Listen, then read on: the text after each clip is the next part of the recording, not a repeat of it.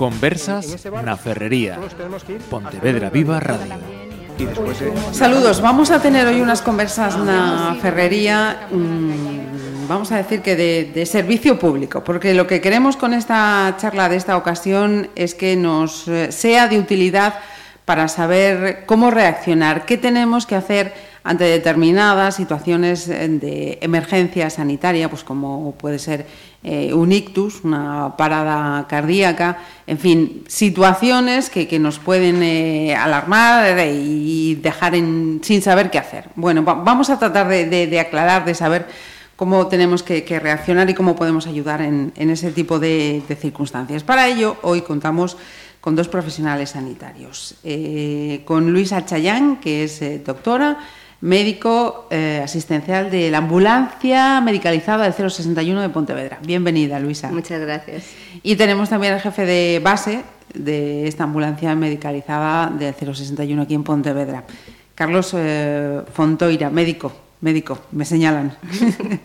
Carlos Fontoira, bienvenido también a esta, a esta charla y, y gracias por, por, atender a nuestra llamada que, que entiendo eh, es eh, fundamental, ¿no? Eh, saber eh, cómo reaccionar, qué tenemos eh, que hacer ante una situación de, de, emergencia sanitaria, así como punto de partida.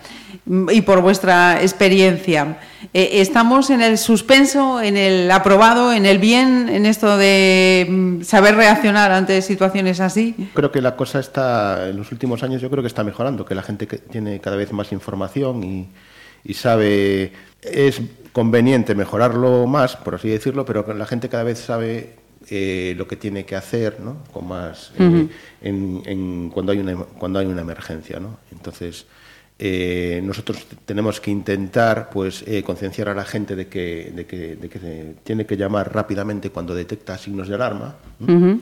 y activar, digamos, lo que nosotros llamamos la cadena de supervivencia. En caso, de, en caso de una parada cardíaca o incluso en caso de, de un infarto de un infarto de miocardio o de un ictus. Uh -huh. Debe, debe eh, detectar rápidamente los signos de alarma y llamar al 061. Ajá. Eh, porque eh, esa mayor concienciación de la que a, a nos acaba de hablar Carlos se produce porque cada vez son más uh, frecuentes, uh, porque hay una, digamos, educación social de que hay que estar preparados. ¿A, qué se, ha debido eso? Bueno, yo creo que la gente nos va conociendo más mmm, por los medios de, comunicación, pues se va informando más de las diferentes patologías y va escuchando por ahí que siempre es conveniente llamar cuanto antes pero quizás depende de la patología que sea, porque uh -huh. sí que nos damos cuenta que en patologías como el infarto la gente se conciencia más si tiene un dolor torácico y llama cuanto antes, y en otras patologías, por ejemplo un ictus, la gente eh, ve como pérdida de fuerza en un brazo y dice, bueno, igual se me quedó dormido, entonces uh -huh. tiende a esperar. Ajá. Entonces quizás la, la, formación es fundamental, la formación desde que son pequeñitos, como en los uh -huh. niños en los colegios, pero también a los, a los adultos. De hecho, estamos dando últimamente también formación no solo en los colegios a los niños, sino a los familiares de estos niños en diferentes patologías. Uh -huh. y, Perdón, Luisa, no, no, sí, sigue, nada. sigue, sigue. Y, y, lo que sí insistimos es que luego en su casa también informe. Y luego cuando atendemos a los diferentes pacientes con diferentes patologías, pues aparte de nuestra labor asistencial que hacemos en ese momento, pues también le informamos, mire, si vuelve a pasar, haga de esta manera, e incluso informamos a las familias, porque a veces se ponen muy nerviosas claro. y que que sepan cómo uh -huh. funciona esto, lo que hay detrás y que estamos aquí para ayudarles. Uh -huh. Porque, mm, si os parece, eh, podemos eh, comenzar aprendiendo así. Eh, cualquiera de los que nos esté escuchando, yo misma, cualquier ciudadano, eh, ¿cómo identificamos? si os parece, mm, podemos empezar por el ictus, ¿no? Que sí, decía Luisa, sí. que es quizás el, el más de desconocido. Sí. ¿Cómo identificamos esas señales de que estamos teniendo un ictus? Sí, bueno, hay. Yo, yo diría que hay, hay tres signos en los que nos pueden guiar, ¿no? Siempre que ante, uh -huh. ante una sospecha de ictus. Eh, uno es que, la, que el paciente, bueno, que la persona eh, tuerza la, la, comisura bucal hacia un lado. Tenemos que una persona que previamente no, no, no, le pasa esto, de repente tuerce la comisura bucal. ¿vale? Eso sería un signo de alarma. Uh -huh. Otro signo de alarma sería que una persona que previamente está hablando bien, de repente empieza a no, no es capaz a de articular, a balbucear o no articular bien las palabras. en vez de, no las dice correctamente, ¿vale? Y otro tercer signo de alarma sería que tiene una pérdida de movilidad en alguna extremidad. Imaginemos que eh, no es capaz de, eh, si sube los dos brazos, un brazo lo sube más que otro, por ejemplo. Sería una pérdida de fuerza en una extremidad. Ante cualquiera de estos tres signos de alarma, pues lo conveniente es llamar lo antes posible al 061. En este caso, pues eso, uno llama al 061, te ponen en contacto con un médico que te hace una serie de preguntas y ya, digamos, investiga más esa situación y en caso necesario, pues moviliza un recurso para atender a esa persona. Eh, entonces, detectamos eh, esas, esas tres señales, ¿no?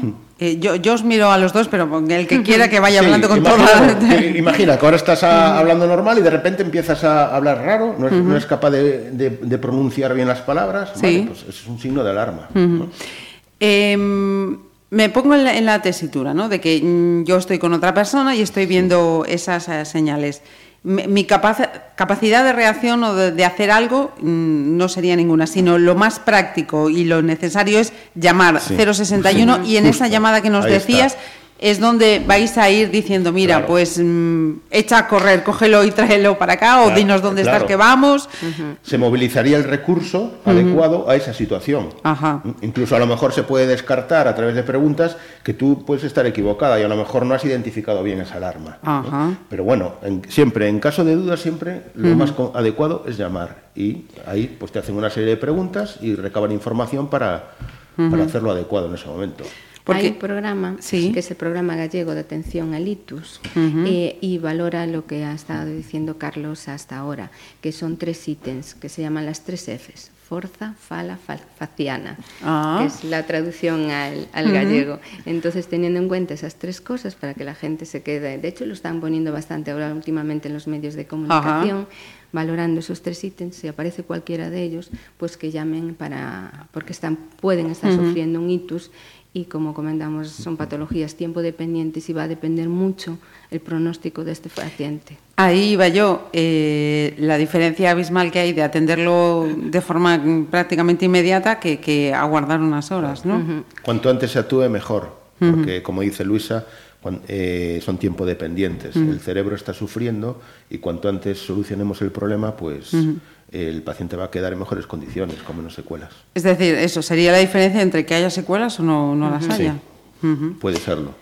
Eh, en el caso de, mm, de un infarto, ¿cómo, ¿cómo, identificamos y cómo tenemos que, actuar? Bueno, en el infarto también hay un programa eh, a, nivel de todo Galicia, que es el Progalian, que es el protocolo de atención al, infarto. Entonces, de lo que se trata es de que toda persona que tenga un dolor torácico llame cuanto antes. Eh, ¿Cómo es ese tipo de dolor? Normalmente los dolores torácicos relacionados con infartos, porque que duela el pecho no quiere decir que esté sufriendo un infarto, porque no solo es corazón, hay pulmón, hay músculos, hay, hay huesos que también rodean toda la caja torácica y pueden ser motivo que esas cosas también duelen. Entonces, cuando tenga un dolor torácico, llame al 061, 061 a través de unas preguntas va haciendo un pequeño diagnóstico diferencial, sabiendo exactamente, bueno, intentando saber cuál es la causa. Pero de todas formas, ¿cómo es el dolor en el pecho? Suele ser un dolor encima del corazón, que aprieta y a veces se va al cuello, al brazo, al hombro, se suele acompañar de náuseas, de vómitos, sudoración. Entonces, cuando una persona tenga este tipo de dolor, es conveniente que se siente, no se mueva y que llame cuanto antes al 061. También es cierto que hay algunas personas que tienen dolores un poco diferentes y pueden estar sufriendo un infarto también. Depende también qué parte del corazón esté sufriendo el infarto. Si es un, a veces duele la boca del estómago, también. En esto hay pacientes, los diabéticos, tienen, como tienen alterada un poco la sensibilidad, también suelen tener dolores un poco diferentes. Entonces es importante que siempre que haya un dolor en el pecho que llamen, el médico que está en la central de coordinación a través de una serie de preguntas intentará eh, llegar a un diagnóstico más o menos y le mandará un recurso porque hay que hacer un electrocardiograma cuanto antes y si en el caso de que sea, pues llevarlo al sitio donde le puedan abrir la arteria y tratárselo cuanto antes. En este caso también existimos tiempos de reacción importantísimos. sí. Es muy importante llamar lo antes posible. y, en caso de, una parada cardíaca, Aquí y total desconocimiento también eh, se, identifica. En, eh, en, el caso de una parada cardíaca, bueno, eh, primero es, la gente debería saber identificar lo que es, que es una parada cardíaca. Entonces es importante que haya que la gente se forme, que haya cursos de formación, que eso también pues estamos en ello, ¿no? Cada vez se están impartiendo más, incluso están haciendo en las escuelas, identificar una parada cardíaca y luego poner en marcha lo que ya dije antes de cadena de supervivencia. ¿no? Eh, llamar lo antes posible, empezar a hacer la reanimación, que luego llegue la ayuda, llegaría por ejemplo un desfibrilador o incluso una ambulancia medicalizada. Entonces, eh, lo importante es, eh, pues ya digo, saber identificar esa causa. Entonces, pues sería un, un, paciente que es una pérdida de conocimiento, que no responde a las órdenes de, cuando lo, cuando lo sacudimos, nos acercamos a él, lo sacudimos, no responde, está inconsciente ¿eh? y comprobamos si respira. ¿eh? Si esa persona no respira, es una parada cardíaca. Y en ese caso lo que hay que hacer pues, es llamar lo antes posible al 061 y empezar las maniobras de reanimación. Después. Básicamente sería así.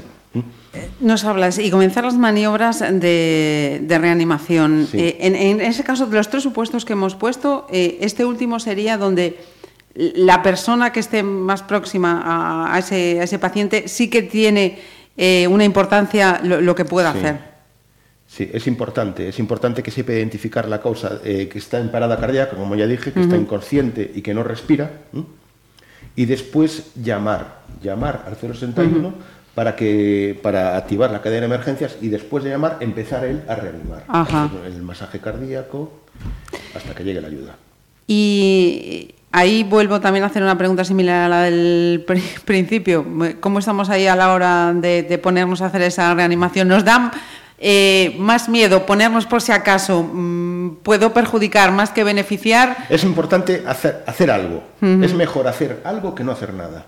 La mejor RCP es la que se hace. Sí la que se hace, aunque se haga mal, pero estás haciendo algo. Mm. Y si haces la RCP, aunque la hagas mal, con tal de que ya llames al 061, ya estás haciendo algo importante, porque va a venir alguien que te va a ayudar. Entonces, si eres una persona eh, que no tiene ni idea de cómo reanimar, pues haz lo que puedas.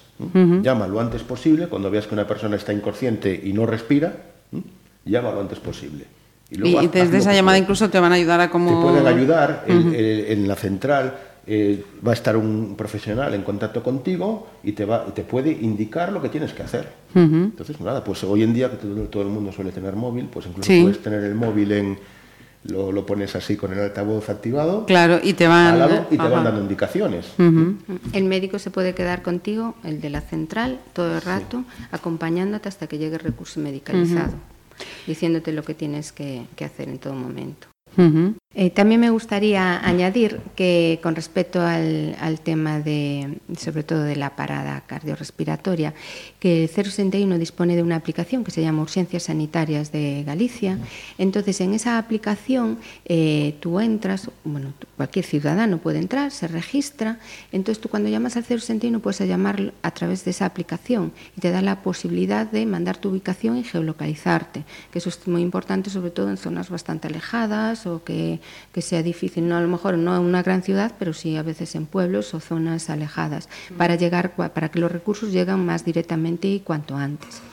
Esta, esta, aplicación también dispone no solo de esto, sino eh, forma parte también de un programa que se está eh, todavía en marcha, que, se llama Acude Ayuda. Entonces, una serie de profesionales, eh, sobre todo médicos, enfermeros y técnicos, te das de alta en este programa y si hay una parada, en, a lo mejor tú estás andando por la calle y te encuentras una persona tal, pues el 061 sabe que tú está, eh, manda a través de Telegram una un una, aviso. Una, sí, un aviso. Si tú estás cerca de allí, pues tú llamas y dices, estoy aquí, ya voy para allí. Y, uh -huh. o, si, o incluso también a las personas que llaman, pues mira, tenéis un DESA a unos metros de ti. Pues una persona va a buscar el DESA, otra ya va a iniciar las maniobras para atender cuanto antes a esa persona antes de que llegue el recurso avanzado. Para, porque como hablamos a lo largo de toda esta charla, son patologías tiempo dependientes y aquí un minuto es fundamental. Es fundamental. fundamental. Pues eh, lo que tienen las nuevas tecnologías, eh, tanto para Android, eh, para iPhones, esa aplicación tecleamos urgencias sanitarias y ya nos sale. Es gratuita, la descargas, te registras y además dispone también de una guía de primeros auxilios donde la gente también puede tener información de cómo, de cómo poder actuar en determinadas circunstancias. Pues anotando, ¿eh? Fundamental. Sí, y tiene un mapa, dispone de un mapa donde están todos los recursos, tanto, tanto los hospitales como los centros de salud, eh, los DESAS, farmacias, que disponen en, en, la zona donde se encuentra. Pues buena noticia. Hablábamos de, de, la disponibilidad de desfibriladores. Bien, lo dije bien. Eh, también sería otro hándicap que vosotros encontráis, que haya más desfibriladores en más espacios de los, de los que hay actualmente? Hombre, lo ideal sería que hubiera más desfibriladores, claro. Pero bueno, también estamos avanzando en eso. Sí, sí. Hoy, hoy, en día cada vez la gente tiene más formación en eso y hay más desfibriladores en, yo lo veo, pues, por ejemplo, en mi gimnasio hay un desfibrilador, en, muchos sitios. Sí, claro, en espacios eh, donde haya. Sí, realmente lo que se recomienda es en espacios donde haya aglomeraciones que existiese un desfibrilador para que llegue cuanto antes, porque todas estas patologías que hemos hablado y más eh, eh, la parada son muy tiempo dependientes. Entonces, en la parada tenemos muy poco tiempo antes de que el cerebro se dañe irreversiblemente. Estamos hablando de tiempos de 10 minutos como mucho. Entonces, si, si el, ahí juega un papel muy importante el alertante, la persona que está con el, con el paciente, para que inicie maniobras cuanto antes y que consiga un desfibrilador cuanto antes. Y hemos hablado también de, la formación en este sentido. Vosotros me hablabais de, de, esas eh, nociones um, que, que, dais también entre pequeños y no tan, no tan pequeños. ¿Vosotros entendéis que la edad no, no es un hándicap para aprender estos conocimientos, ¿no? que al revés sería necesario. Sí, Además los niños eh, aprenden, bueno, en mi experiencia, los niños sí, involucran muy mucho. Esto, sí, sí. Son de los mejores alumnos que, que tenemos. Sí, sí. La verdad es que lo hacen fantástico y, y se involucran un montón. ¿eh? Ajá. Eh, me, me, consta que, que, hay coles aquí en, en Pontevedra y en otras ciudades eso que, que están recibiendo esas charlas y, sí que es cierto, ¿no? Que ves a, los niños emocionadísimos ¿no? Con, con, esa charla y que incluso lo hemos visto por informaciones que, y situaciones que se han producido, que han recogido los, los medios, que hay menores de edad que han salvado la, la, vida de sus adultos gracias a, a, saber reaccionar en esas circunstancias. A nosotros nos costan al menos dos que habían recibido el curso y sus familiares sufrieron una parada cardiorrespiratoria y ellos tuvieron reaccionar cuanto antes llamando al 061 e iniciando el RCP. Y afortunadamente esas personas se han, se han salvado y sin secuelas. Eso es lo fundamental, no solo que salga de la parada, sino que salga con secuelas o con, sin secuelas, Y, o con las menos posibles. Y entonces entiendo que mm, quizá lo idóneo sería que en cualquier ciclo educativo se introdujeran unas clases así, ¿no? Sí, hombre, nosotros opinamos que sí. De RCP y de, la, del manejo un poco de las urgencias más importantes y más habituales, que sepa reaccionar eh, ante ellas. ¿eh? Quería eh, también eh, plantear esta situación en, circunstancias en las que la persona que es la que tiene estos eh, síntomas o que identifica que, está entrando en estas situaciones de emergencia sanitaria y se encuentra sola, ¿cómo, hacer? ¿Qué hacer? ¿Uno se puede ayudar a uno mismo en una situación así? Mm, depende un poco de la patología, pero lo ideal es si una persona ve que va a perder, está con un dolor torácico, tiene miedo a perder conocimiento, pues entonces que llame cuanto antes que deje la puerta abierta y que se siente, porque claro, si nosotros llegamos y está una puerta cerrada es complicado acceder al sitio. Claro. Entonces, que deje la puerta abierta, que se siente, que no se mueva y que espere que nosotros lleguemos cuanto, cuanto antes. ¿eh? y, y, otro, otra hipótesis eh, más, que conozco además algún caso, que uno está solo y, y tiene un atragantamiento. el, bueno, sí, el, el tema del atragantamiento, ¿no? Pues eh, el mecanismo más efectivo para desatragantar es la tos. Entonces, eh, cuando una persona se atraganta, eh, lo ideal sería tranquilizarla dentro de lo posible y animarlo a que tosa. Es un mecanismo el mejor que existe para desatascar. sí, sí, sí, es así, tal cual, claro.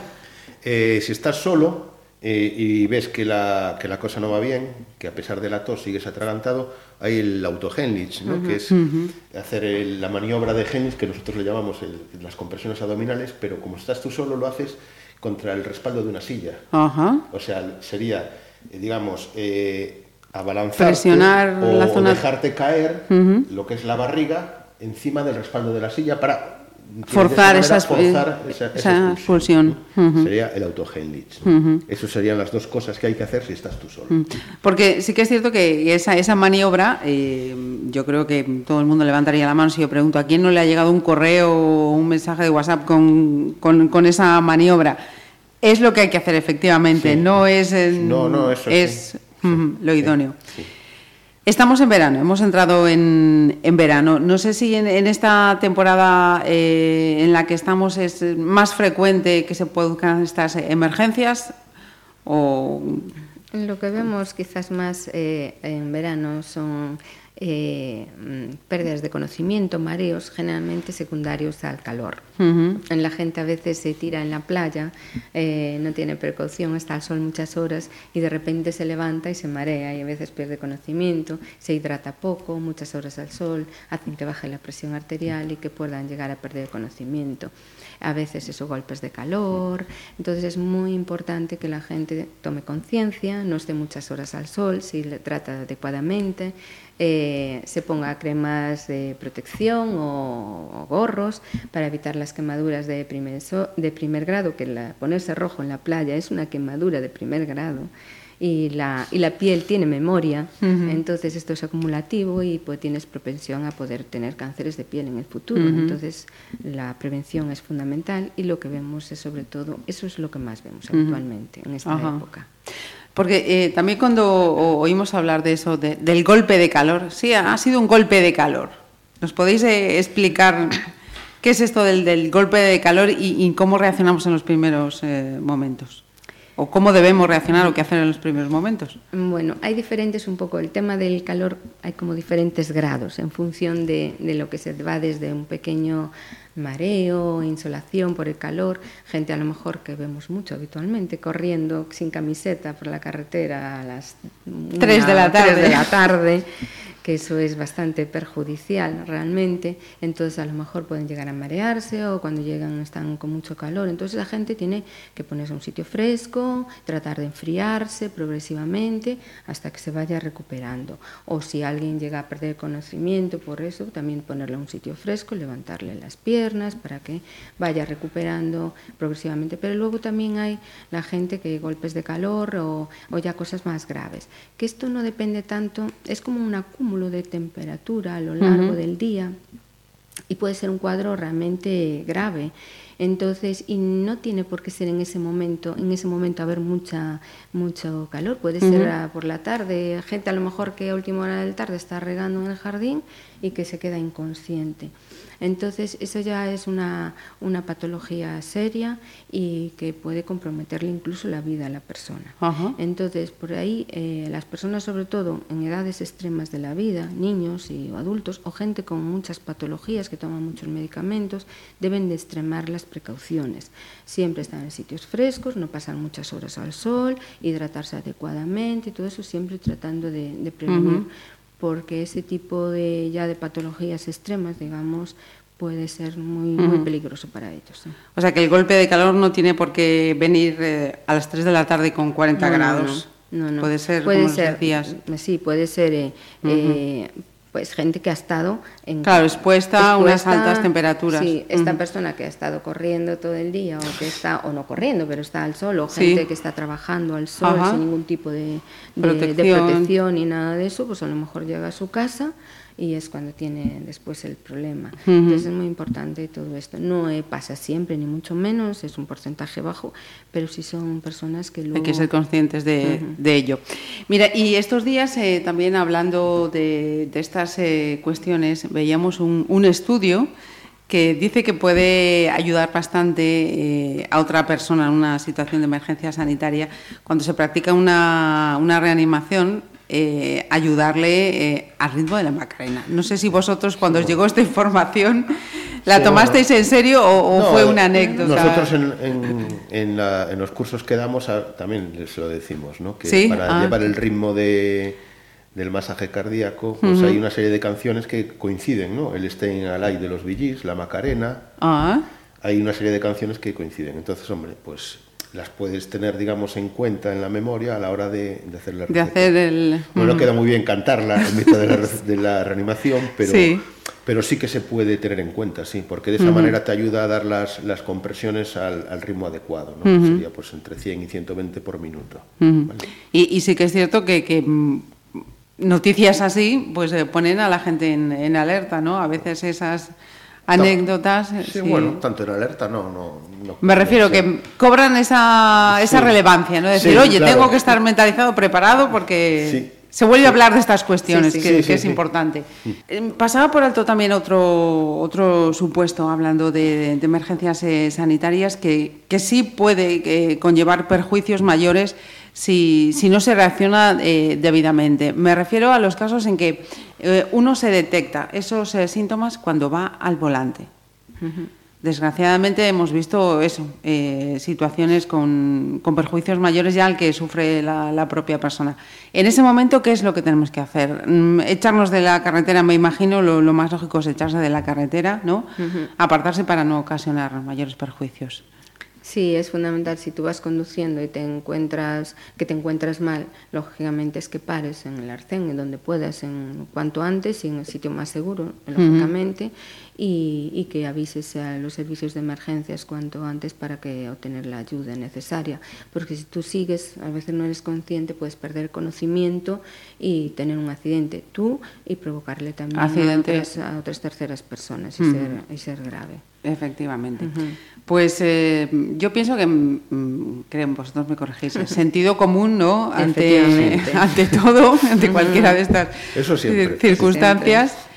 Y, eso, esa, esa llamada al 061, donde... Sí, dime, por favor. Yo quería contar sobre todo con el tema de la llamada al 061, que siempre trato después, mm, una vez atendido el paciente, que están más tranquilos, informarles, porque eh, la gente se pone, como es lógico, en determinadas situaciones muy nervioso y cuando llaman mm, detrás de, de ese número hay una serie de personas que cada uno tiene su función. Entonces el teléfono lo va a coger una persona, entonces el operador, que es fundamental que le coja datos y sitio donde, donde está esa, esa persona, porque hay muchos pueblos de Galicia que se llaman igual y es muy importante la ubicación. Y después un número de teléfono del que llama para confirmarlo, aunque le sale allí, y que ese teléfono lo dejen eh, libre, sin usar, porque si a veces los que vamos después allí no encontramos ese sitio, Tenéis que llamar en comunicación. y si están comunicando o no lo cuelgan bien es muy difícil llegar cuanto antes. Y luego que sepan que intenten en la medida lo posible contestar a las preguntas que le hace posteriormente el médico porque eso es fundamental para mandar recurso más adecuado y que aunque esté hablando ese médico con él, hay otro, a nosotros ya nos están alertando y ya estamos de camino en ese momento, para que sepan que aunque el médico no es perder el tiempo, es tratar de ayudarle y que el recurso llegue cuanto antes y que sepan que, que no están perdiendo el tiempo.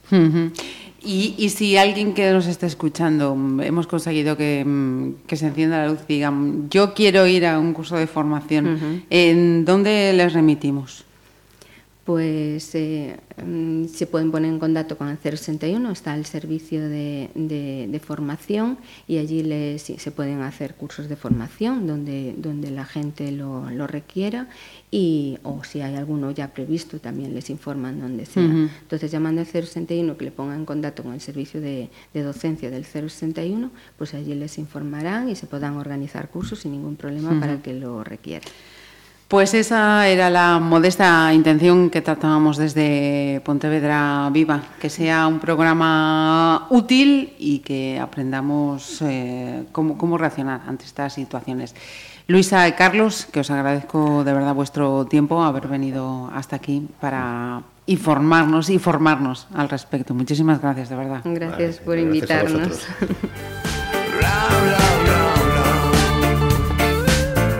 Conversas Ferrería. Pontevedra Viva Radio.